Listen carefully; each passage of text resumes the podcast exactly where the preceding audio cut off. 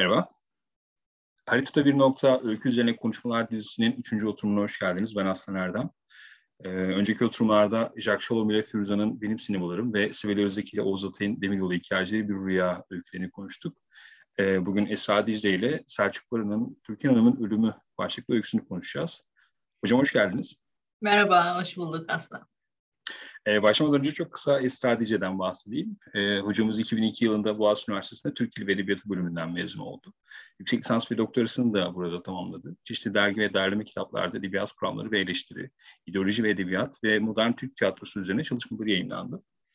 Ee, resmi ideoloji sahnede Kemalist ideolojinin inşasında halk evleri dönemi tiyatro oyunlarının etkisi isimli kitabı iletişim yayınlarından ben Yüz Çiçek'ten yanayım. Nazım Tiyatrosu'nda yeniden yazım odağında metinler, türler, söylemler kitabı ise bir kitap üründen çıktı. Ee, Esra Hoca Boğaziçi Üniversitesi'nde Türk Dili dersleri veriyor. Bir yandan da Türk Dili ve Edebiyatı bölümünde tiyatro dersi vermeye devam ediyor. Hocam tekrar hoş geldiniz ve e, teklifimizi kabul ettiğiniz için çok teşekkür ediyorum. Ben davetin için teşekkür ediyorum. Sağ olun. Ee, Selçuk Baran konumlandırma itibariyle hem edebiyat tarihinde hem edebiyat kurumunda hem de günlük hayatta, hayatın içinde e, enteresan bir konumlanma alanını yaratıyoruz diyorum. E, onun günlüğünden bir parça okuyarak bir soruya hazırlık yapacağım. Ardından sorumu bağlayacağım. E, 5 Temmuz 1968'de günlüğüne şöyle bir not düşüyor Selçuk Orhan. E, ancak yazdığım zamanlar rahat ediyorum. Yazmak bir ersatz, e, bedel oluyor benim için. Yaşamanın yerine değil, ölümün yerine geçen bir ersatz. Yaşamayı sevmiyorum. Ölmeye gücüm ve imkanım yok. Hayatı seviyorum tabii. Ona saygımı yitirmedim. Ama hayat benim dışında ulu ve suskun bir nehir gibi akıyor. Onu seyretmekten bıktım galiba. Yazarken kendi hayatımı kısa bir süre için yok etmiş oluyorum. Başka insanlar o ulu nehrin içine giriyor, çıkıyor, çağıltın dinliyor. O zaman huzur duyuyorum. Yazmak benim tek ve biricik imkanımdır. Gene de umutsuzum bu konuda. İyimser bir umutsuzluk duyuyorum. Kendimi yüze bilmeyen, yine de boğulmamak için son gayretle çabalayan bir insana benzetiyorum. Yahya Kemal'in şu dizesi geliyor aklıma. Müşkül olan odur ki yaşarken ölür kişi. Yaşarken ölmemek için çırpınıyorum. Bu hakikaten e, okur olarak da hazmı güç bir e, deneyim. Yaşamak çünkü ne kadar tuhaftı. Fakat enteresan bir şey var. Takip eden yıllarda 72'de TDK ödüllü e, Haziran 75'te bir solgun adam, 77'de Sayit Faik Hikaye Armağanı kazanan Anıların Hakkı, 84'te iki kitap birden geliyor. Kış Yolculuğu ve Tortu. 87'de Bozkurt Çiçekleri, 89'da Yelkovan Kuşu, Arjantin Tangoları, Porselen, e, Porselen Bebek ve Güz Gelmeden şeklinde devam eden büyük bir aslında velut bir edebi yaşam gibi de görünen bir alan var. E, soruma geçeyim. Fakat Enes Batur biraz hazırlanırken Enes Batur'un bir denemesini gördüm. 2004'te okuma lambasında biraz tuhaf ve kafa karıştırıcı bir anekdottan bahsediyor Selçuk adına. Çünkü e, benim özellikle pek çok yazarda ilgimi çeken susma, kendini çekme, yazar personasını susturmak, vazgeçmek, yazmaktan vazgeçmek gibi bir e, durumdan Selçuk Baran da bahsediyor. E, bu şey meşhur Tanzimat'tan günümüzde yazarlar ansiklopedisinin ekibi işte dönem yaşayan yazarları anladığım kadarıyla bir e, posta gönderiyorlar. İşte eklemek istediğiniz notlar nelerdir gibi bir bölüm var burada. Selçuk Baran şöyle bir not düşmüş e, başarısız bir yazar olduğumu kabullendiğimden 94'ten beri yazmamaya karar verdim. O günden beri herhangi bir olarak e, hayattan keyif alıyorum. Yani herhangi bir olarak hayattan keyif almak iyi bir şey ama yazarlıktan vazgeçmek, buradan el çekmek ve bunu bir başarısızlık olarak e, yenilgiyle beraber çekilmek tuhaf. Çünkü şeyi biliyoruz yani suskuyla beraber e, aslında mitsel birer figüre de dönüşen yazarlar var edebiyat tarihinde işte Balzer var, Sevim Burak var, Beckett var, Selinger var, en popüler hemen aklıma gelenler. Fakat söz gelimi Selçuk Baran, e, Sevim Burak, Selçuk Baran'ın aksine okurunu cezalandırıyordu. Edebiyat kanununu cezalandırıyordu. 17 yıl boyunca hiçbir şey yayınlamayarak kendince böyle bir tavrı vardı. Fakat Selçuk Baran'da direkt bir yenilgiyi kabullenme ve bir içe kapanma durumu var. Buradan bir yerden başlayalım istiyorum. Çünkü bu Selçuk Baran'ın son göründüğü anlardan biri. E, bugün Selçuk Barın'ı yeni keşfedecek e, okurlar için belki onun son göründüğü yeri şöyle bir aydınlatmak ve buradan geriye doğru bakarak e, Selçuk Barın'ı yeniden konumlandırmak önemli olabilir. Çünkü şeyi merak ediyorum, onu Susku'ya yönelten e, nasıl bir edebiyat kurumu vardı ki o yazmadığını, yazamadığını, beceremediğini düşündü ve Susku'ya döndü.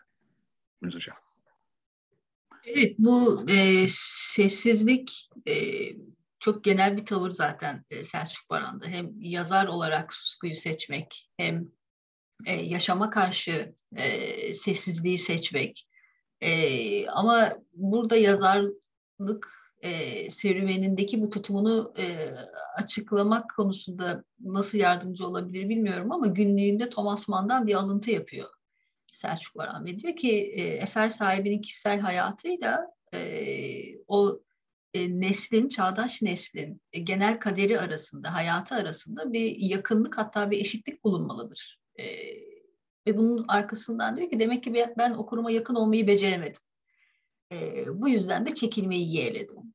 E, burada aslında okurun, e, okurla düşünsel, yaşamsal e, bir ortaklık, yakınlık kuramadığını kabul eden, aslında bir anlamda hem çağın ruhunun dışına düşmüş, hem dönemin okur profilinin beklentilerinin dışına düşmüş, hem e, yayıncılık sektörünün dinamiklerinin dışına düşmüş, hem e, yazdığı dönemin politik e, kırılmalarının, değişmelerinin ve bunun edebiyata yansımasının dışına düşmüş. Daha doğrusu bunu tercih etmiş birinden bahsediyoruz galiba. E, yani bunların hepsinin ve tabii Selçuk Baran'ın mizacının da e, bunda etkili olduğunu düşünüyorum. E, bu geriye doğru bakmak dedin. Yani e, yazdığı dönem ilk e, metinlerini yazdığı dönem işte 72 e, Haziran'ın ilk çıktığı yayınlandığı tarih ama yani şunu çok yanlış bir saptama olmayacağını düşünüyorum. Selçuk Baran 70'lerde yazsa da aslında 50 kuşağına dahil edilebilecek bir yazar. Dolayısıyla metinlerini de e, 70'lerde sunduğu metinlerinde biraz 50 kuşağının 70'lerdeki bir uzantısı, bir yansıması gibi e, oluşturuyor. Yani 50 kuşağı dediğimizde 50'lerin özellikle öykücülüğünün temel e, meselelerine, estetiğine baktığımızda tespit ettiğimiz şeyleri Selçuk Baran'da da görebiliyoruz. E, o e, siyasi hayattaki e, değişim, e, o birden çok partili döneme geçiş, işte geçmişle hesaplaşma, hem kültürel bir hesaplaşma bu hem toplumsal hem politik hem bireysel bir hesaplaşmanın önünü açıyor e, belirli bir huzursuzluk getiriyor. İşte ekonomik sıkıntılar, göç gerçeği, toplumsal e, yerinden oluşlar. E, aynı zamanda tabii bu dönemde Selçuk Baran'ın da çok e, gönderme yaptığı hem kurgusal metinlerinde hem günlüğünde e, Heidegger gibi, Sartre gibi, Kafka gibi, Kierkegaard gibi e, yazarların e, metinlerinin çevrildiği bir dönemden de bahsediyoruz. Dolayısıyla Türkiye'de e, yazarların e, modern e, Batı edebiyatına da açıldığı bir dönem bu. Ona daha yakın olmaya başladığı bir dönem. E, ve bununla beraber işte tabii hem düşünsel olarak hem de estetik açıdan e, üslup, üslubun değiştiği, gerçekçiliğe yaklaşımın değiştiği, bakışın değiştiği, varoluşçuluğun, işte gerçeküstücülüğün, yer yer fantastik öğelerin, e, simgesel, imgesel bir e, dilin, o bireyin iç dünyasını yansıtacak estetiğe dair arayışın çok baskın olduğu bir dönem. Tabii bununla beraber de tabii içe kapanma, topluma yabancılaşma, e, yalnızlaşma, e, dış dünyaya ve yaşama olan ilgiyi kaybetme, e, ölüm, intihar gibi düşünceler etrafında dolaşma gibi de bir şey oluşuyor, eğilim oluşuyor. E, bu tür bir içeriği 70'lerde e, sunduğunda e, Selçuk Baran'da tabii orada bir tarafta 50'lerde başlayan köy edebiyatının çok devam ettiğini görüyoruz tabii. Yani hemen aklıma Yaşar Kemal geliyor. Yaşar Kemal'in işte mesela Demirciler Çarşısı cinayeti yanlış hatırlamıyorsam 73 olması lazım. Yusufçuk Yusuf da o tarihler 74-75 gibi. E, bir tarafta çok e, çatışmacı e, sınıf çatışmasına, sınıf kavgasına, politik çatışmaya, şiddete, işkencelere, e, o bütün 12 Mart sürecinin dinamiklerine yönelen işte Adalet Ağoğlu'nun ölmeye yatmak 73, yüksek gerilim 74. Ee, ne vardı o dönem? İşte Firuzan vardı, parasız yatılı 71. Ee, kuşatma 72, benim sinemalarım 73. 47'liler 74. Ee, işte Yenişehir'de bir öğle vakti 73. Yani böyle bir edebiyat ortamının içinde e, işte o dönemde yazan Oğuz Atay gibi e, Oğuz Atay'ın metinlerini yazdığı dönem içinde nasıl ben buradayım ey okur sen neredesin acaba e, diyorsa aynı cümleye günlüğünde de rastlıyoruz e, Selçuk Baran'ın. Ben buradayım.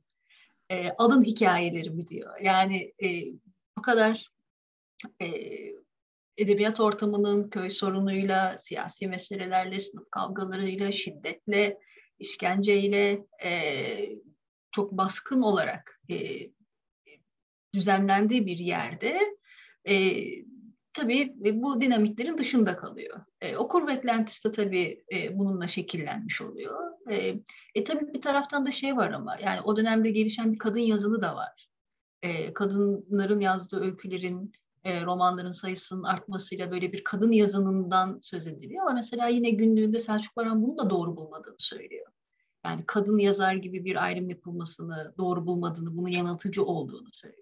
Tabii ki kadının e, insani varlığının, e, kendi özgürlüğünün farkına varmasının, e, cinsel varlığının, erkekten farklı duyarlılıklarının e, edebiyatın konusu olmasını, onun yüzlerce yıllık suskunluğunun sonlanması açısından değerli buluyor. Ama mesela o dönemde işte Yanık Saraylar yayınlanmış. E, Leyla Erbil'in Tuhaf Bir Kadını yayınlanmış. İşte e, Tommy Sawyer'ın İpek ve Bakır'ı yayınlanmış. Onlara baktığımızda da aslında e, içerik olarak da estetik olarak da bir benzerlik yok. E, ne açık bir kadın öznelliği merkezde e, Selçuk Baran'da çünkü e, anlatıcıları e, kadın ve erkek.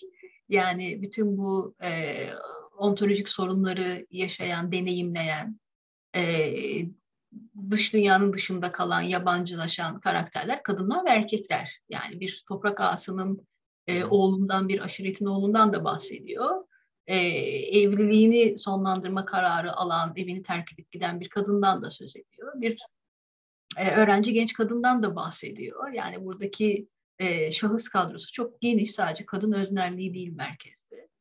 E, estetik olarak da yani e, Selçuk Baran yazdığı türün e, sınırları içinde kalan bir yazar. Yani çok türsel ihlaller, türsel kaymalar görmüyoruz metinlerinde. Ya da e, dilsel denemeler yok. Dilin o bütünlüğünü parçalayan e, arayışlar da yok. E, dolayısıyla ve bu kadın yazının içine de yerleştiremiyoruz. Bütün bunların dışında ayrıksı bir yerde duruyor. E, 80'lerden sonra zaten e, edebiyatın sektörleşmesi, e, artık bütün e, sermaye ilişkilerinin, bütün e, medyanın sektöre ilgisi, işte reklamcılık, ilişkiler ağı, yani bu yayıncılık sektöründeki ilişkiler ağının da görünür olmak için çok dışında, bunun içine girmeyi hiçbir zaman e, tercih etmiyor. Hatta benim e, şey yani sevdiğim de bir örnek var. Öykülerini e, gösterdiği isimlerden bir tanesi Cemal Süreyya. Çok e, Selçuk Bar'ın pozisyonunu da açıkladığını düşünüyorum bu örneğin. O yüzden hep böyle bahsetmeyi de seviyorum öyküsünü gönderdiğinde çok beğeniyor ve yayınlarız diyor. Ama e, Hisar'a da öykü göndermişsin diyor. e, Cemal Süreya Popülüs'te o zaman. Diyor ki biz Hisar'la e, birbirimiz için mevcut olmayan iki yayın organıyız diyor. Yani hem bize hem oraya öykü gönderemez. Yani bunların o kadar dışında ki e, Selçuk Baran. Dolayısıyla okur beklentileri, medyatik ilişkiler, politik görüş ya da bir kliye dahil olmamak, e, toplumsal cinsiyet ciddi temel bir mesele olarak almamak. Bütün bunlarla aslında e, baştan sona çok ufak değişiklikler olsa da e, durduğu yeri hiç değiştirmeyen, oradan kıpırdamayan bir e, yazar Selçuk Baran okur ona yaklaşıyor zaman geçtikçe. O e, kendi yaşam hikayesiyle kendisinin yaşamlı kurduğu ilişkiyle benzer ilişkileri kuran e, bir okur profili ortaya çıktığında Selçuk Baran da bizim için aşikar olmaya başladı demek belki mümkün. Anladım. Bu biraz e, okur perspektifinden bakınca sanki mayınlı bir alana girmek gibi de görünüyor. E, Ama evet yani hakikaten e, şeye de bakıyorum biraz işte internette ne yazılmış, ne yapılmış falan filan bunları biraz bakarken e, hep şey gibi bir durum var. Aa Selçuk Baran diye biri varmış deyip ona bir yönelme. Sanki böyle bir oradan e, gelen bir durum yok. E, sanırım bu kitapların yeniden basılmasında da okurların ciddi bir e, performansı vardı. Belki ondan bak lazım bu anlamda. E, siz biraz bahsettiniz ama ben de çok kısa toparlayıp ikinci sorumu bağlayayım biraz hocam. Biraz şey gibi görüyorum. Sanki böyle bir yanlış oluşlar e, var Selçuk Baran yazında. İşte yanlış erkeklikler, yanlış kadınlıklar. Bu oluşlar hep çatışmalar yaratıyor ve bu çatışmaların sonunda daima yani ya da çoğu zaman ev işlerinde görülen yalnızlıklar, sıkıntılar, umutsuzluklar, iletişimsizlikler ve en sonunda ölüm, intihar gibi e, noktalara dönüşen bir şey yaşanıyor. Tüm bu e, yapıda işte Selçuk Buran yazının önemli meselelerinden biri olan bu konuk odası kurmak, o soğuk konuk odası, misafir odaları, onlar kadar soğuk o kabuk hikayeler, e, kabuklaşma meselesi e, aslında biraz farklılaşma adına saydık ama o dönemde bazı yazarların değindiği izleklerden biri aslında. İşte Firuzan'da buna benzer izlekler görüyoruz. İşte e, Sevim Burak'ın bazı öykülerinde var. E, Firuzan'da var yer yer. Bunlar ufak temaslar halinde görülüyor. E, kabuğun içini ve dışını biraz konuşalım istiyorum. Neler var ve dışarıya hangi çatlaklardan neler görünüyor acaba? Aslında ağırlıklı olarak Selçuk Baran'ın e, baktığı e, yer şehir hayatı, orta sınıfın e, değerleri, e, kutsalları, ahlakı, yaşam biçimi, içe kapalılığı, donmuşluğu, e, kadın içinde, erkek içinde. O kabuğu ben biraz tam da o taşlaşmış roller olarak okumaya sanırım biraz daha eğilimliyim. Çünkü orta sınıfın kendini sürekli üreten, kendini haklılaştıran, kendini meşrulaştıran değerleri, davranış kalıpları, sürekli birbirine sunulan bir gündelik hayat performansı. Toplumun onayladığı değerlere yakın durma, o kutsallara yakın durarak onaylanma e, ve belirli bir e, performansı sürekli sürdürme e, çabası aslında. E, tabii ki bu da e, gittikçe taşlaşan, e, artık benliği yok eden, benliğin yerini alan bir e, sosyal role dönüşüyor. E, bu kabuğun çatlamasını e, aslında tam da o rolün dışına çıkmak. Rolün e, bir kere onun zaten o kabuğun bir rol olduğunu, kendine ait bir şey olmadığını fark etmek ve onun dışına çıkmaya cüret edebilmek olarak e, belki yorumlamak mümkün olur. E, hem metinlerinde hem günlüğünde yaptığı bir alıntı var Selçuk Baran'ın Andrejit'ten, bu dünya nimetlerinden çok sık zaten referans verdiği bir e, metin. Diyor ki yani senin için ailen kadar, e, kendi odan kadar, kendi geçmişin kadar tehlikeli bir şey yoktur. E, benim kitabım sana dışarı çıkma e, arzusu versin. Nereden olursa olsun, evinden, şehrinden, e, ailenden, mesleğinden. E, aslında e, tam da o kabuğun çatladığı yerde, o kabuk işte bir yani aile olabilir, o da olabilir, meslek olabilir, her türlü bu hayat içinde üstlendiğimiz rol ve onun gerektirdiği davranış biçimleri, düşünme biçimleri olabilir. E, bu kabuğun çatlama anını bize gösteriyor, anını ve sonrasını gösteriyor zaten. Selçuk Kur'an öyküleri e, ve e, bu çatlağı e, idrak eden zihnin e, o çatlağı görmeyenleri nasıl e, algıladığını, değerlendirdiğini de görüyoruz. Çünkü o çatlağı bir kere deneyimleyen, e, çatlak sayesinde kabuğun kendisini gören e, anlatıcılar ya da anlatıcı karakterler artık kendi edimlerinin e, yapaylığını, suniliğini, kurgusallığını keşfettikten sonra bütün hayatı e, öyle değerlendirmeye başlıyorlar. E, ve tabii burada bir e, dışarı hamle söz konusu oluyor. E, kentten uzaklaşıp kırsala giden karakterler, ev değiştirerek o kabuğun dışına çıkabileceğini düşünen karakterler, ilişki değiştirerek bunu yapabileceğini düşünen karakterler. Yani aslında tam da dışarı çıkarak, terk ederek kendini gerçekleştirmek isteyen bir hamle e, görüyoruz.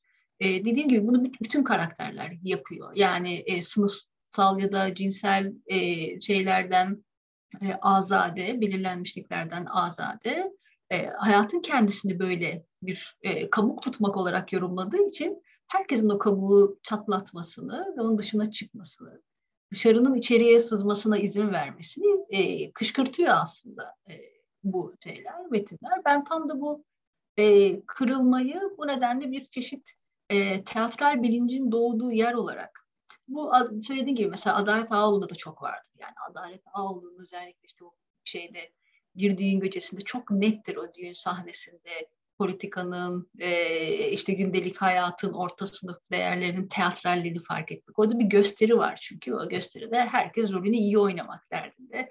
Gösterinin bozulmaması için büyük bir çaba, e, gösterinin başarılı olması için, inandırıcı olması için büyük bir çaba söz konusu.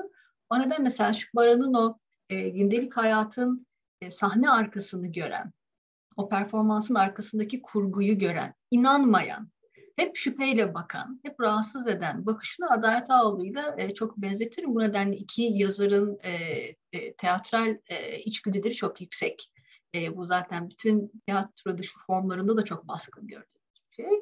E, ama tabii e, Selçuk Baran'ın metinlerinde aslında e, istikrarlı bir e, e, ruh hali, istikrarlı bir duygu durumda pek tespit edebileceğimizi düşünmüyorum. Çünkü bazen tam o aydınlanma anında E, mesela kabuk öyküsü. Yani o kabuktan soyulmuş e, lop yumurtanın yerde yuvarlandığı an aslında onun da kendi kabuğunu kırması gerektiğini keşfettiği anı somutlaştırıyor. Orada bitiriyor öyküyü bize. Ama bazen de bu dışarı çıkışların e, geri dönüşlerini de gösteriyor. Yani e, dışarı çıkmanın aslında yine aynı eve dönmek, aynı insana dönmek, aynı mesleğe dönmek, aynı şehre dönmek gibi sonuçları olduğunu da görüyoruz. Yani e, bu dışarı çıkışın e, bir özgürleşme hamlesi olduğu açık ama her zaman sonuçlanan bir hamle gibi de gözükmüyor. E, bazen ümit var. O yüzden bu e, iyimser umutsuzluk kelimesinin tabirini çok sevdim. Yani bazen iyimserlik ağır basıyor, bazen umutsuzluk ağır basıyor. E, bazen böyle bir e, neredeyse pasif daireye dönüşüyor insanın dışarı çıktıkça geri dönmesi. Korkuları nedeniyle geri dönmesi, alışkanlıkları nedeniyle geri dönmesi ama hep o döngüyü e, sürdürmesi. Dolayısıyla da burada her şeyi e, bir e, aslında e, oyunsuluğa, e, dışarı çıkıp içine bakmak istediği zaman orada bir şey bulamamasına, e, aslında dışarı diye bir şey olmamasına, e, bir belki bir hakikat yokluğuna, bir boşluğa işaret ettiğini de gördüğümüz zamanlar oluyor. Bu nedenle de bu oyun sürekli yer değiştirerek devam ediyor gibi. Ee, şey vardır mesela bunu Krizantemler öyküsünde kendisi de e, söyler. Yani hayatı e, işte o kalabalık, enerjik e, sokakları, şehir hayatını değerlendirirken işte oyuncular var ve seyirciler var der. Yani e, oradaki e, oyuncular e, neredeyse bütün varlıklarıyla orada bulunan atak, e, cesaretli, güvenli, e, özgüvenli karakterler. Seyirciler ise e, şüpheci, e, böyle bir kaşı kalkık, e, memnuniyetsiz, inanmayan izleyicilerdir. E, o nedenle bunun e, çok baskın olduğunu düşünüyorum. Yani oyunu tespit etmek, e, oyunun dışına çıkmak, e, oyunun dışı olmadığını fark ettiğinde de kendi oyununu kurmak. E, yani çok baskın Türkan Hanım'da da var. Oyun kuruyor Türkan Hanım'da. Belki bahsederiz ondan ama bütün karakterlerde kendi oyununu kurarak bu sefer e, kontrol edebilecekleri ve özgürleşebilecekleri e, bir alan yaratıyorlar ki öykülerde bu biraz zaten fantastik öğelerin çıktığı yerlerde burası. E, bir dengeleyici, bir özgürleştirici şey de oluyor, işlev de oluyor. Böyle bir başka türlü olma çabasının da kendi gerçekliğini kurma çabasının, o yabancılaşmayı aşma çabasında bir sonucu oluyor. E, ama e, yani eninde sonunda e, bu e, oyunsuluk, bu kabuğun dışına çıkmak, o çatlamanın getirdiği şey e, yine bir sessizlik, e, melankoli e, ve ölüm düşüncesi oluyor zaten. Evet, şimdi siz söyleyince aklıma hemen şey geldi. Bu iyimser olmayan umut e, Eagleton. Bir de e, bu aramak, kabuğun dışını şöyle bir yoklamak e, ne olursa olsun, ne pahasına olursa olsun. Ernst Bloch işte bu ümit ilkesinin ilk fragmanında şey der ya e, insan doğduğundan beri tek bir ereği vardır. Aramak. Da biraz sanki bu arama ama işte sonunda bazen hakikaten hiçbir şey bulunamayıp tekrar evet başlamakta evet, dönmek de var. bulamamayı da göze alan bir arama. Evet. Ee, yani ama yine de bulunan bir şey e, belki yola çıkarken e, umulan şey olmuyor ama e, yine de orada e, o boşlukla karşılaşmak, yüzleşmek bile e, o, o, e, o oyun bilinciyle e, karşılaşmak bile e, sonra karakterin edimini değiştiren bir şey oluyor zaten kendisiyle ve hayat ilişkisini değiştiren bir şey oluyor. O yüzden gene de onun bir bulgu olduğuna e, inanıyorum yani. Belki niyetten uzak düşmüş olsa da, umut edilen şeyden uzak düşmüş olsa da çünkü mesela işte bu e, kabuğun dışına çıktıktan sonra e, umduğu şeyle karşılaşmamış olması onu sessizleştiriyor da bir taraftan. Bir melankolinin ve ölüm duygusunun içine de götürüyor ve başka bir bilince, başka bir gerçekliğe taşıyor aslında. Evet aslında biraz böyle Türkan Hanım'la konuşmaya da başladık. E, çerçeveyi, onu kuran ruh halini biraz konuştuk ama biraz daha Türkan Hanım'a doğru derinleşelim istiyorum. Şöyle bir şey e, geliyor aklıma. Yani Türkan Hanım'ı okurken ve diğer ülkelere de şöyle baktığımda sanki Türkan Hanım bir performans olarak, gösterim olarak da sanki Selçuk Barak'ın yazındaki kadınların son merhalesi, son görünüşü gibi e, geldi bana. Bilmiyorum ne dersiniz buna. Sanki böyle birbirinden farklı sosyal ve ekonomik kabuklar içinde de kabuk diyoruz ama yani kabuk göndermesini Selçuk Barak'ın okurları direkt alıyorlardır diye düşünüyorum. E, bu farklı kabuklarda aynı yaşantıyı süren kadınların sanki son görünüşü gibi Türkiye'de. bir ölüm hikayesi aslında bu. Ölümle başlayıp ölümle süren ve sonunda ölüm burcunda sabitlenen bir e, anlatı. E, söz konusu ölüm Hanım'ın ölümü aslında. Ana karakterin ölümünden bahsediyoruz. Ve asla oyun, oyun boyunca, öykü boyunca görünmüyor. Oyunda görünüyor pardon. E, buraya da gireriz belki ileride. Anlatıcı burada enteresan bir şey söylüyor. Ölüm olayından ziyade ölüm olgusuna bakmalıyız diyor. Zaten öykünün en ışıltılı anı bu sanırım. Ölüm olgusuna bakma e, çabası. Ben çok özel bu. Şöyle demiş, e, alıntıyı okuyayım hemen. Bizce önemli olan Hanım'ın ölüme verdiği değerdir. Hanım'ın ölüme verdiği anlamın, ölüme hayatmış gibi sarılışının, ölüm olayına değil ama ölüm olgusuna sığınak ve kurtuluşu arayışının, yeryüzünde bir yabancı oluşunu unutmak için e, ölüm ölüme gereğince algılama çabasının gelişimini incelemek istedik. Bir aslında e, inceleme öyküsü gibi de görülen bir şey. Öykü boyunca biz farklı insanların ağzından Türkan Hanım'ı dinliyoruz. E, fakat Hanım hiç konuşmuyor. Daima kurduğu bir sessizlik var ve ölümle ciddi bir ontolojik ilişki kuruyor. Biraz buraları nasıl okumalıyız hocam? Bunu konuşalım istiyorum. Buyurunuz. Evet, bu e, sessizlik e, senin de söylediğin gibi hem öykülerdeki karakterlerin bir e, tercihi olarak hem e, günlüğünde de tartıştığı bir mesele olarak karşımıza çıkıyor. E, çok yine referans verdiği, birlikte düşündüğü isimlerden bir tanesi Sartre'dan bir e, alıntıyı bu. Hem günlüğünde var hem de kış yolculuğu öyküsünde var. E, diyor ki özgürlüğü isteyen insanın paşını, e, payına düşen e, gevezeliklerdir diyor. Yani anlamsız gevezeliklerdir ama onun asıl istediği susuştur. E, onun ideali susuştur diyor. E, buradan yola çıkarak sanırım ben bu susuşu da ölümü de bir e, özgürleşme arayışı, bir özgürleşme deneyimi olarak e, okumaya biraz eğilimliyim sanırım. Hatta bunu biraz melankoli deneyimiyle de ilişkilendirerek aynı anda. Melankolinin de bir özgürleşme biçimi olduğunu hatırlayarak. Çünkü biz hani klasik anlamda melankoliyi işte böyle çok yoğun bir e, yaz hali, e, bir hüzün hali, işte dış dünyayla iletişimin kesildiği, duygu kapasitesinin kaybolduğu, e, gündelik hayat aktivitelerin tutuklaştığı, bir deneyim olarak e, tanımlıyoruz. Ama e, bir yönüyle de e, bütün bu hayatın içinde yer alma, hayata ayak uydurma, e, işte onaylanma, başarılı olma, e, hayatı bir yerinden yakalama yönündeki yoğun çabanın e, ve onun getirdiği yorgunluğun da dışında olma gibi bir özgürlük e, sağlıyor ki bu yorgunluk zaten yani Selçuk Baran'ın e, hem kendisiyle ilgili hem de karakterlerine e, verdiği bir e, duygu durumu olarak çok önemli bir e, şey e, aslında merkez. Dolayısıyla bu e, hayata umut bağlama, hayatın e, aslında işte kurulan düşlerin, yapılan planların karşılanabileceği, gerçek olabileceği bir yer olarak tasarlanması çabası falan. Bütün bunlarla bunlardan da özgürleşmiş oluyor karakter o vazgeçişle beraber. E, zaten Selçuk Baran negatif gibi gözüken kavramlara pozitif anlamlar e, yüklüyor. Yani e, kabullenmenin bir tür direniş olduğunu, e, işte hüznün bir çeşit özgürlük olduğunu, melankoli diye de bunu daha genişletebiliriz. Çünkü hüzün o melankolinin duygu durumlarından bir tanesi. E, mesela şeyin e, Thomas Gould'un bir e, kitabı var. E, Silence in Modern Literature and Philosophy diye. Orada karakterlerin, metinlerdeki karakterlerin sessizliği üzerine. Bu işte Bart, Beckett okumaları falan yaptığı bir metin. E, sessizliğin sebebi bir karakterde sadece bir e, dil öncesi evreye ait olması değildir. Ya da sadece onun sesinin kesilmiş olması da değildir. Sessizleştirilmiş, sesinin bastırılmış olması da değildir. Bu bir tercihtir ve bir erdeme işaret eder aslında diyor. E, şimdi buradaki sessizliğin de bende bir çeşit bilgelikten geldiğini ve bir erdeme işaret ettiğini düşünebiliyorum açıkçası Selçuk Baran'ın karakterleriyle ilgili. E, bu erdemin de demin bahsettiğimiz gibi aslında e, yani hayatın e, sahne arkasını görmüş olmak. E, bir hakikatin yokluğuna vakıf olmak. Çünkü e, politik bağlanımları olan biri değil, e, herhangi bir ideale bağlanmış biri değil Selçuk Baranlı'dan özellikle uzak durduğunu zaten söylüyor.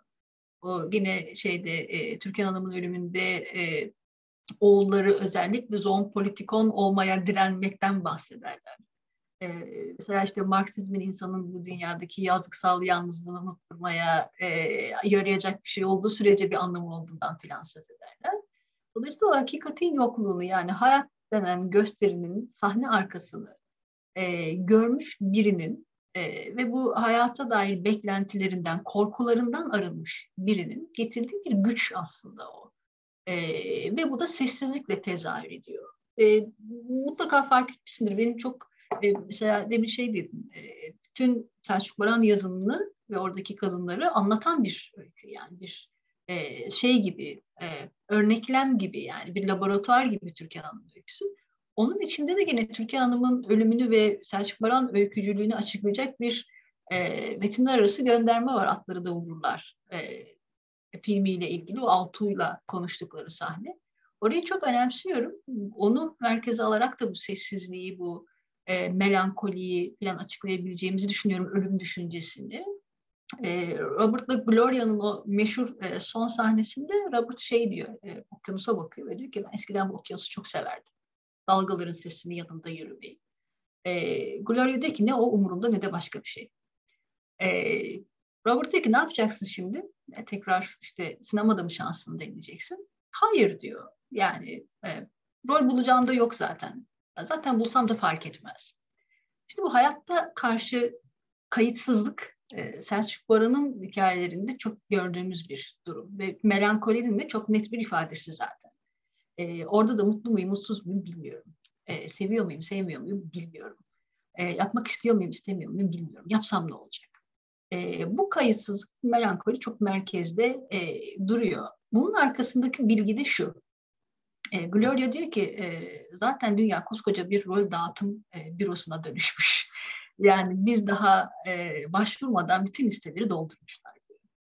E, burada artık e, kendi olmanın e, bir e, benlik ve performans ayrımının imkansızlığından tutun da e, o hayata dair sürdürdüğümüz çabanın beyhudeliğine kadar büyük bir bilgi var e, aslında bir çeşit e, Selçuk Baran karakterlerini trajik öyle tabii büyük olaylar, büyük yıkımlar yaşamış değil ama bilgisizlikten bilgiye geçmek olarak e, hayatın kurgusal, teatral niteliğini bilen ve aslında kendisinin de hep bu teatralliği üreten biri olduğunu fark eden, orada bir kırılma yaşayan, bir anda e, bu e, deneyimle karşı karşıya kalan karakterler olduğunu söyleyebiliriz.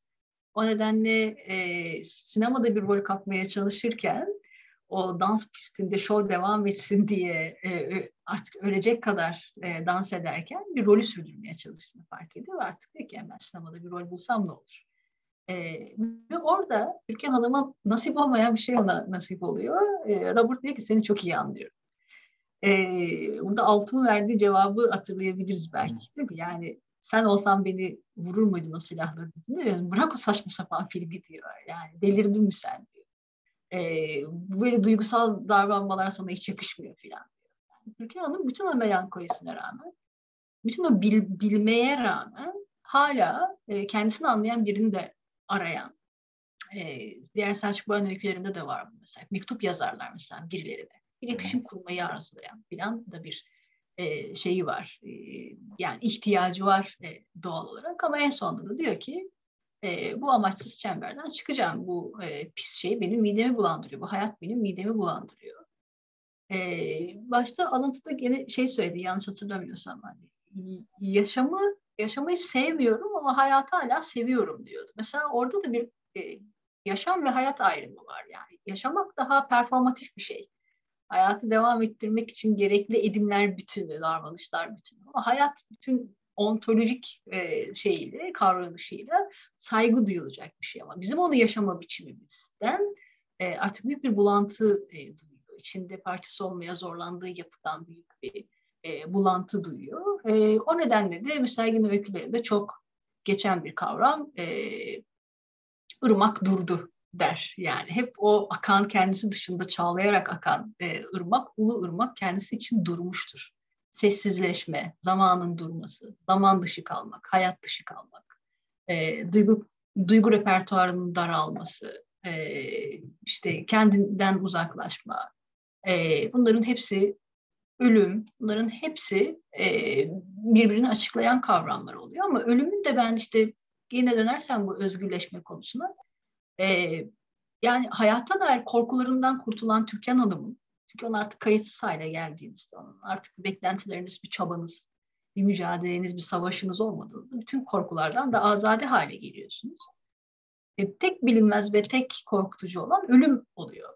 E, ölümü bir olgu olarak e, kavradığında, hayatın bir parçası haline getirdiğinde, ölüm hikayeleri üzerine düşünüp bunları yemekli sofralarda anlatıp e, e, kendi ölümünü tasarlayıp onu ehlileştirdiğini, evcilleştirdiğini ve onu da korkutucu ve bilinmez bir şey olmaktan kurtarıp ona karşı özgürleştiğini düşünüyorum açıkçası.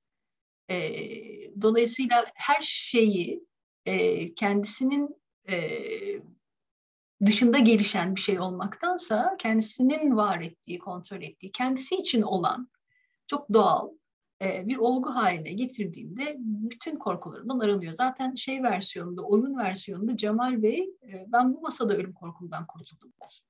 E, ve bu da çok büyük. Öykülerde neredeyse her şeye dair korku duyan karakterleri. Kendileriyle hesaplaşmaktan korkarlar, yüzleşmekten korkarlar, gündelik hayata dair her gün yeni bir korku üretirler.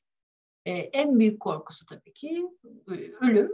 Ondan da böyle bir onu evcilleştirerek, ehlileştirerek e, özgürleşme olduğunu e, düşünüyorum açıkçası. Bu nedenle de e, e, hepsi bu sessizlik, melankoli, ölüm e, bir anlamda onun e, hayat pratiklerinin dışında, o hayat ritüelinin dışında kendi ritüelini, kendi gerçekliğini ve kendi özgürlüğünü kuran alanlar gibi geliyor. Evet aslında bu yemek sofrası Türkiye aramında çok enteresan bir yapı e, oturmanın zor olduğu bir masa aslında ama bir anlamda çok kolay. Hanımefendi için bir ölüm getirdim dediğinizde hemen yeriniz hazır. Sadece ölüm hikayesi anlatmanız lazım ve masanın en coşkulu olduğu anlarda ölüm hikayeleri geliyor. Bir yandan da çok e, çok mesafeli bir şey de var orada. An da var aslında yemek sofralarında. Yani herkes Türkiye Hanım'la beraber oturuyor, beraber yiyip içiyorlar falan ama Türkiye Hanım'la aralarında inanılmaz bir mesafelenme de var. Mesafelenme üzerinden bir şey soracağım. E, bu son günlerde kırılganlık, yaralanabilirlik meselesi aslında işte Kogito'nun bir e, seçme dergi şeyi çıktı, sayısı çıktı. E, Gamze Akverdi'nin bir kitabı çıktı. Birkaç şey daha var. Borkman'ın bir kitabı var yine Metis'ten. Hem çeviri hem telif e, bayağı tartışılan kavramlardan bir haline geldi son yıllarda. E, Gamze Akverdi'nin kitabı üzerinden bir şey soracağım. Orada Gamze Akverdi bir e, Vulnus Kırılganlık üzerine kitabın ismi bu arada. Orada e, Soha sanırım doğru okuyorum Çekçe bir kelime. Ötekilerin saklı kırılganlığı başlıklı bir yazıdan alıntı yapıyor. Alıntıyı okuyayım. E, gerçek olmadığını bilseniz de kendinizi kaptırmanın çok kolay olduğu optik bir yanılsama vardır. E, diğer insanlardan uzaklaştıkça onlar ise daha kırılmaz görünürler. Kendinizi olduğunuz gibi görürsünüz. Kusurlarınız en başından beri açık ve ortadadır. E, fakat diğer insanları kendilerini dünyaya sundukları kadar görürsünüz. İtidalli ve kendini güvenli ilk bakışta size her şeyi değişmez bir biçimde çözmüş görünürler. İstikleri topluma güvenli bir şekilde yerleşmişlerdir. Sevdikleri insanlarla çevrilirler. Hayatları bitmiş bir sanat eserine benzer. Buradaki izleyi biraz e, Türkiye'nin da seveceği bir imgeyle toparlamaya çalışırsak e, sanki Türkiye Hanım diğerleri tarafından anlatılan bir hikayeyle bir e, antika saate benzetiliyor öykünün e, devamında ve sonuna kadar neredeyse. E, Altıda şöyle diyor fakat bu bir perspektif hilesidir. Yani bu bir mesafeyle ilgili bir aldanma durumu. Kendimizle ilgili gerçeği çok açık, ayan şekilde görüyoruz ama ötekiyle ilişkilendiğimiz her anda aslında bu illüzyonu ister istemez kapılıyoruz. Türkiye'nin hikayesi de aslında bir e, puzzle şeklinde kurulan bir yapı.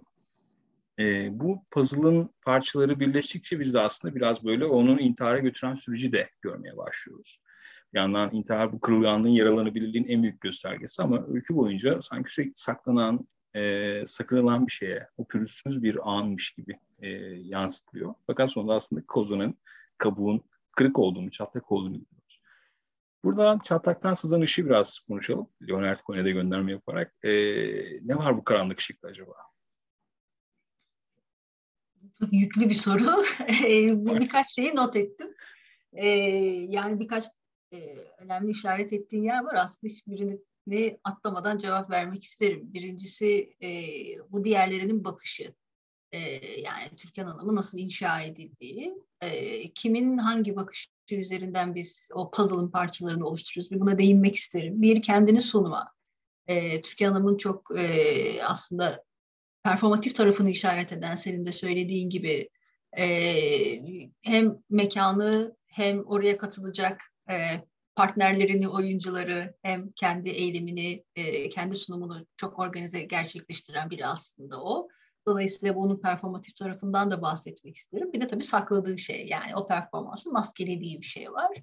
O nedir? Ee, belki karanlık ışığı çok karanlık bulmayabilirim ama bakalım nereye e, gidecek. Yani ortaya çıkarttığı şey çok e, karanlık, kötücül bir şey mi söylüyor? Yoksa önemli bir şey mi? Daha aydınlık, ümit var bir şey mi açığa çıkartıyor? Şimdi bilmiyorum ama bir bakalım hani ne söyleyebiliriz diye ben de bir taraftan e, düşünmek isterim. Şimdi bu e, diğerlerinin bakışı evet yani e, Türkan Hanım'ı herkes kendi değerleri üzerinden inşa ediyor. Aslında hiç kimsenin başka birinin e, bilgisine sahip olamayacağına dair e, güzel bir e, estetik e, düzenleme bu. Yani sadece ona dair konuşurken kendimize dair şeyler söyleyebiliriz. Başkası bizi ancak aynalayabilir. E, bütün karakterler, Türkiye Hanım anlatan bütün karakterler kendi doğrularından, kendi kalıplarından yola çıkarak, o kalıplara uymadığını vurgulayarak e, aslında onu açıklıyorlar. Bu kalıplar görenek olabilir. İşte edep adap dedikleri şey olabilir.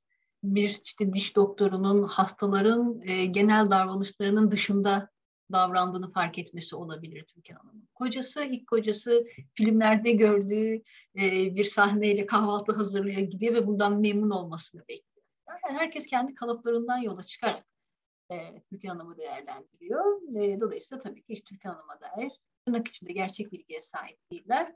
O puzzle'a e, sanırım son parçayı okur koyacak. Yani okur da belki kendi kalıplarıyla yüzleşerek kendisini aynalayan bir hikaye karakterinin üzerinden o puzzle'ın son parçasını koymaya çalışacak.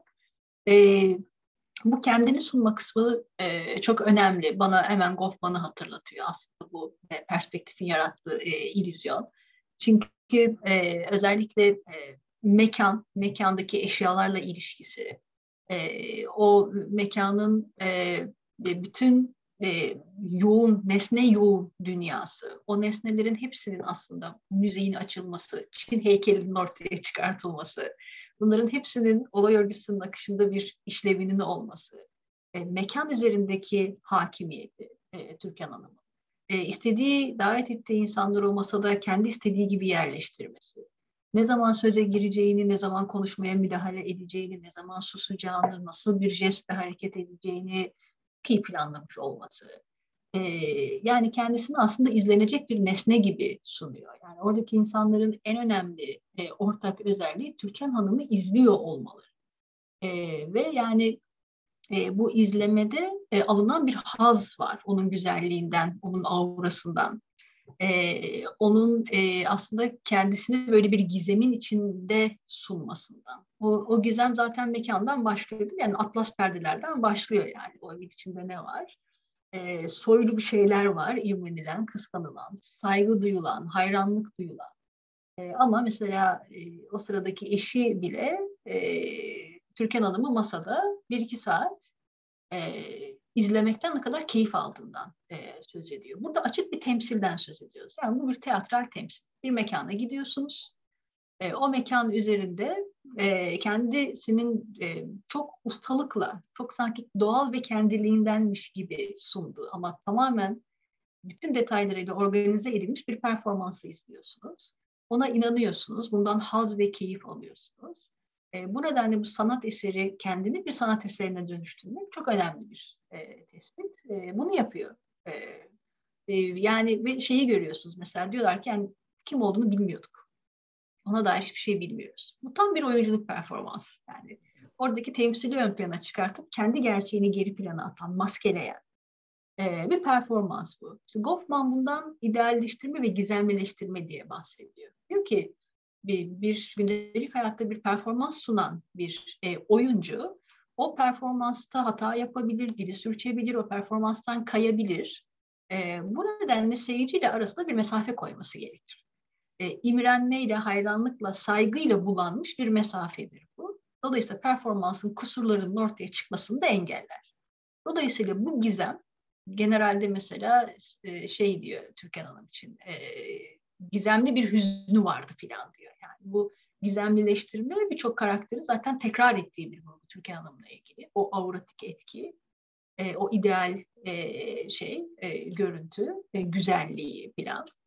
E, dolayısıyla çok ustalıkla sunulmuş ve bir yapay gizemle e, örülmüş e, bir şey var orada, e, mesafe var. Şimdi bu e, mesafeyle ilgili Goffman aynı zamanda şey diyor, e, seyircilerin tam da bu saygı ve hayranlık nedeniyle kurcalamadıkları bu gizemin arkasında e, muhtemelen hiçbir gizem yoktur. Yani e, gizemin ardındaki sır aslında ortada bir gizem olmamasıdır diyor. E, mesela şeyde Gülay Kaya şey diyor yani hiçbir şeyin sırrını açıklamadan diyor. Yani aslında sır hiçbir sırrın olmaması. e, bu nedenle de e, yani o e, yaralanabilir kimliği saklıyor ve aslında e, ideal, e, herkesten başka, soylu, e, gizemli bir karakter olmadığını, insan olduğunu, kendisini anlayacak bir diğer insanı arayan, e, korkuları olan bir insan olduğu gerçeğini de örten bir şey e, haline geliyor. E, ışık meselesi e, bence karanlık değil, e, bence aydınlık. Çünkü e, şeyden bahsederken, Altun'dan bahsederken Altun tanıtım kısmında, e, anlatıcının olduğu yerde diyor ki e, işte kalıplardan yavaş yavaş o kabuklardan o kabuk bir kırılmış diyor. Yakında o kabuk düşer. E, neden umutsuz olmalı diyor. Sanki o kabuğun altından sızan ışık insana e, kendi gerçeğini gösterecek. E, dolayısıyla ortaya çıkan şeyi ve kavramasını onunla yüzleşmesini e, gösterecek. O çatlama ne olursa olsun iyi bir çatlama. Yaralanabilir olduğunu gösterecek belki. Herkesin yaralanabilir olduğunu gösterecek. E, kendisine ve ötekine daha bütün bu rollerden, kabuklardan çıplak e, yaklaşmasını sağlayacak. E, korkularından arınmasını sağlayacak. O nedenle e, şeyi de tartışıyor ya zaten hani intihar güçsüzlük müdür, zayıflık mıdır? Genelde tartışıyor yoksa güç müdür?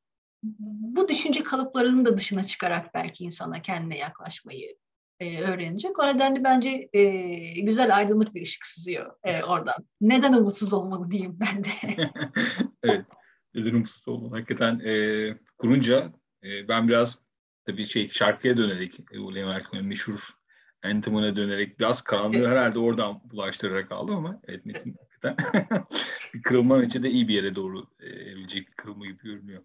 Neden umutsuz olmalı ki? Hocam şey de e, bu tiyatrallik, performans e, meselelerini konuştuk aslında. Türkan Hanım'ın bir de oyun versiyonu var. E, Türkan Hanım isimli. E, Selçuk Han bir de bunu tiyatro metnine de çevirdi. Üç perdelik bir oyun. E, Bahanur Garan geçtiğimiz yıl e, 2021'de ya da 20'de e, Yıpkı yayınlarından 20'de e, Yıpkı yayınlarından hem tiyatro metni hem öykü bir arada olan bir baskı yapıldı. E, tiyatro ve öykü her ikisi de evet performans sanatı ile ilgili şeyler ama e, birbirlerinden çok farklı imkanlar ve imkansızlıklar e, taşıyor. Ne fark var öykü ve tiyatro arasında? Biraz bunu konuşabiliriz belki. Tabii. E, şimdi e, bütün metinleri bu e, performatif doğası dolayısıyla aslında o yüzden Selçuk Baran Edebiyatı'nı çok açıklayan bir kavram olduğunu düşünüyorum teatralliği. Tiyatroya da uygulanabilecek e, tiyatro için çok elverişli, hazır imkanlar sunabilecek metinler. E, aslında e, bir de tabii şeyi de söyledik. E, yazdığı türün sınırlarıyla çok oynamadığını da söyledik. E, romanın, öykünün ve tabii ki tiyatronun da. Şimdi oyun metniyle hikayeyi e, karşı karşıya getirdiğimizde aslında hikayenin kurgusuna yakın bir formda sahneye taşınmış olsaydı e, bu tiyatro için çok e, örneklerini de gördüğümüz klasik tiyatronun kalıplarını yıkan son derece modernist, e, son derece cüretkar bir şey olurdu. Yani şunu düşünün, baş karakter sahnede yok. Yani e, Türkiye Hanım sahneye çıkmayacaktı.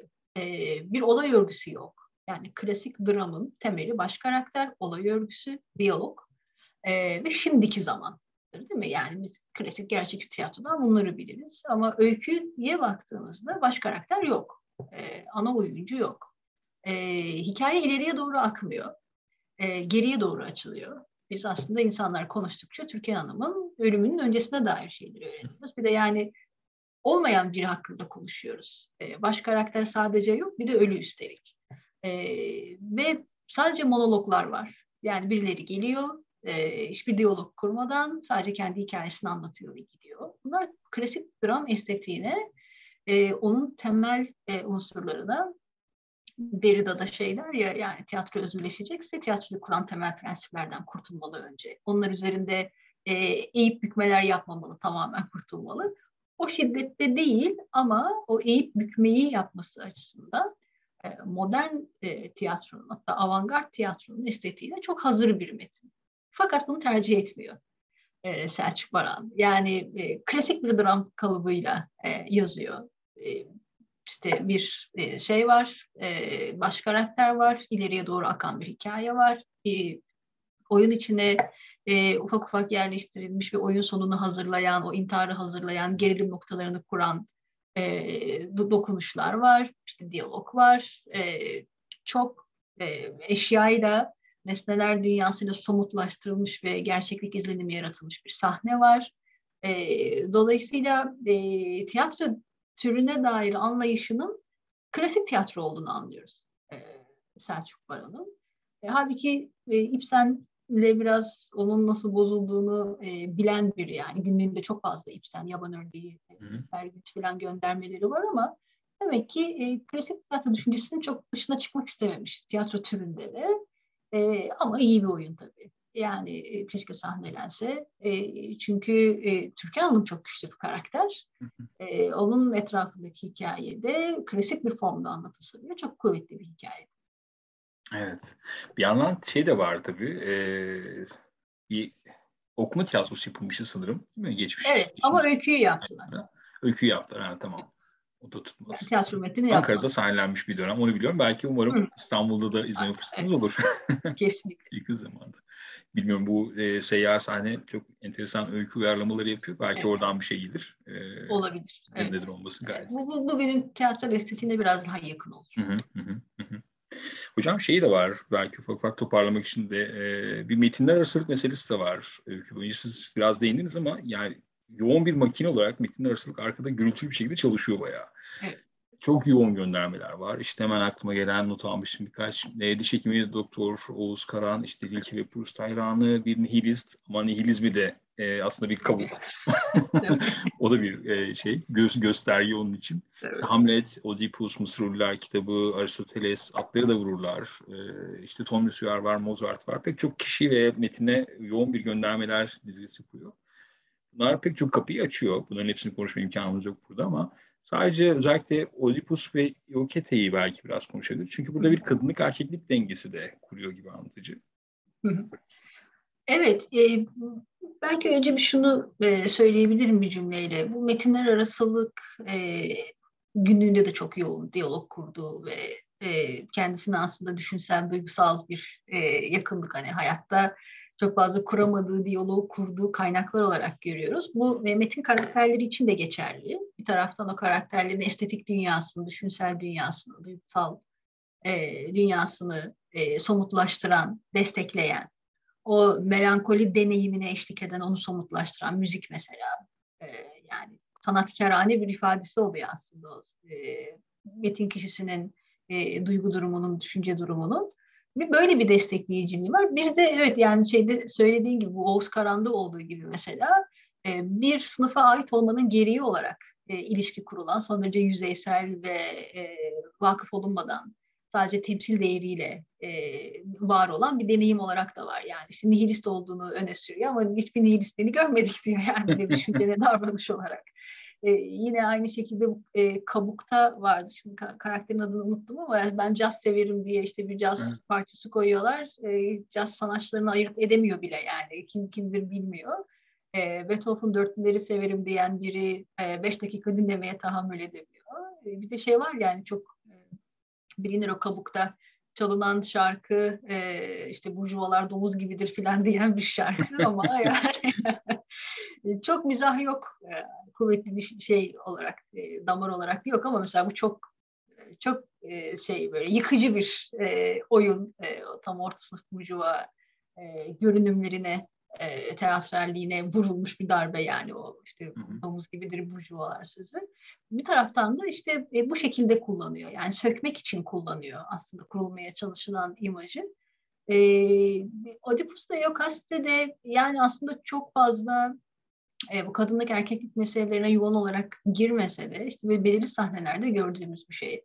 Yani mesela e, erkeklerin neden güvenli bir dünya kurmak için kadına, işte anneye, eşe, metrese sığınıp durduğundan, e, onların hükümranlığının güven ortamında nasıl geliştiğinden filan bahsederken ama kadınlar da öyle deyip e, eşitliyor e, durumu.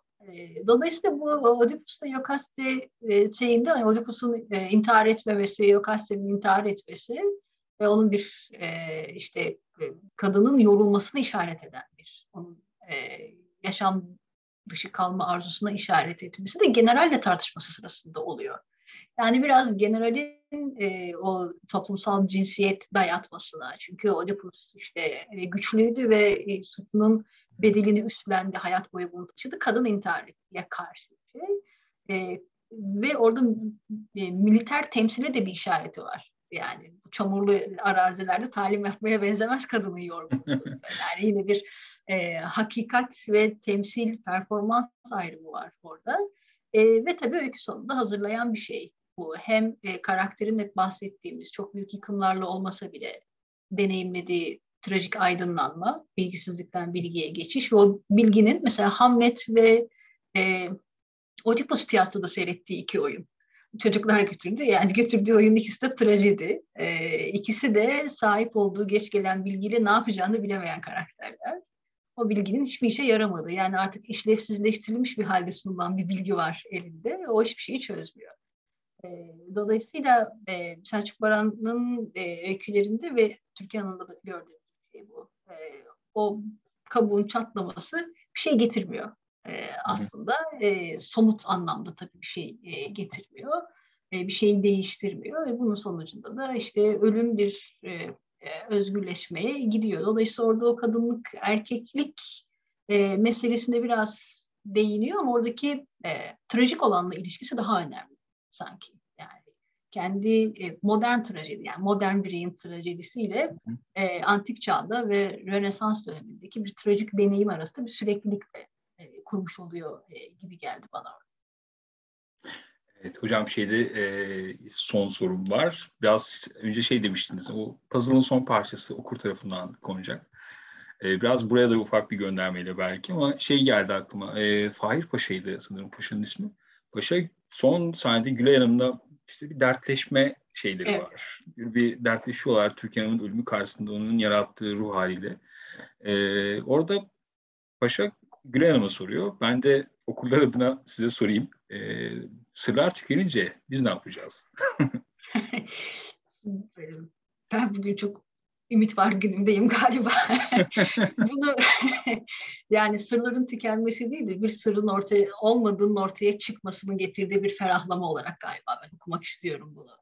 Ee, yani o e, Selçuk Barın'ın öykülerinin e, bizde çok farklı duyguları tetiklediğini, istikrarlı bir e, umut ya da umutsuzluk halini sürdürmediğini, sürekli hareket eden, e, bu duygular arasında sürekli geçip duran e, metinler olduğunu söylemek mümkün.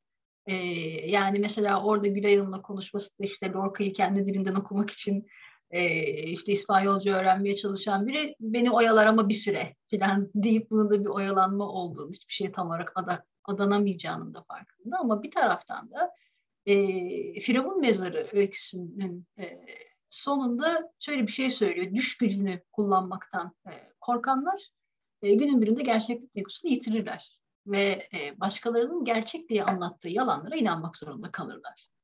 E, bence burada e, başkalarının yalanlarının, sırlarının açığa çıktığı, aslında bir sır olmadığının daha doğrusu açığa çıktığı ve hakikatin ancak kişinin kendi oyunuyla, kendi dünyasıyla, kendi düş gücüyle kurulabilecek bir şey olduğunu, insan ancak böyle özgürleşebileceğini, e, gösteren bir tarafı var. Yani neden umutsuz olmalı kısmını ben sanki biraz daha duymaya yatkınım. E, günlüğünde şey der yani bütün o karamsarlığı ve hayata dair kaybettiği ilgisinin bir yerinde sonra bir anda bir erinç diyor. Yani o bir anda gelen e, huzur, mutluluk ve e, tekrar ilginin, e, duygunun uyandığı anda e, sanırım tutunmayı diğerinde reddetmeden tabii yani deneyimi de yok saymadan tutunmayı birazcık daha e, sırların tükendiği yerde önemsiyorum galiba. Bize kalan şey sanırım e, düş gücünü kullanmak, kendi oyunumuzu e, kurmak, kendimizi bütün bu e, kabuklardan kurtararak e, belki kendimiz denen bir şey sabit bir benlik değil. Belki özne miti çoktan çöktü bilmiyoruz. Ama kendimizce kuracağımız, oynayacağımız bir oyunu e, kurmaya cesaret edebilmek belki. Korkudan, ölümden, yaşamdan özgürleşmek, kabuklardan özgürleşmek. E, hatta bu düş gücünü kullanmaktan korkanlar dediği yerde benim aklıma şey gelmişti. Yaşar Kemal'in bir sözü gelmişti. Yani insanoğlunun ölüme karşı, yoksulluğa karşı, açlığa, doy, doyumsuzluğa karşı düşleriyle yeni bir dünya kurabileceğinden e, ve ölümsüzlüğe böyle varabileceğinden söz eder. Bence e, Selçuk Baran bizi bu konuda çok teşvik ediyor. Evet. Hocam çok teşekkürler. Çok iyi bir e, kapanış oldu. Konuşmanın kendisi zaten nefis oldu. Çok teşekkür, teşekkür ederim. Çok sağ olun. Peki, e, haritada bir nokta öykü üzerine konuşmalar dizisinin üçüncü oturumundaydık. Selçuk Baran'ın e, Türkan Hanım'ın ölümünü konuştuk. Müzik oturumda ne var bilmiyorum şimdilik ama e, devam edeceğiz. Teşekkürler hocam tekrar.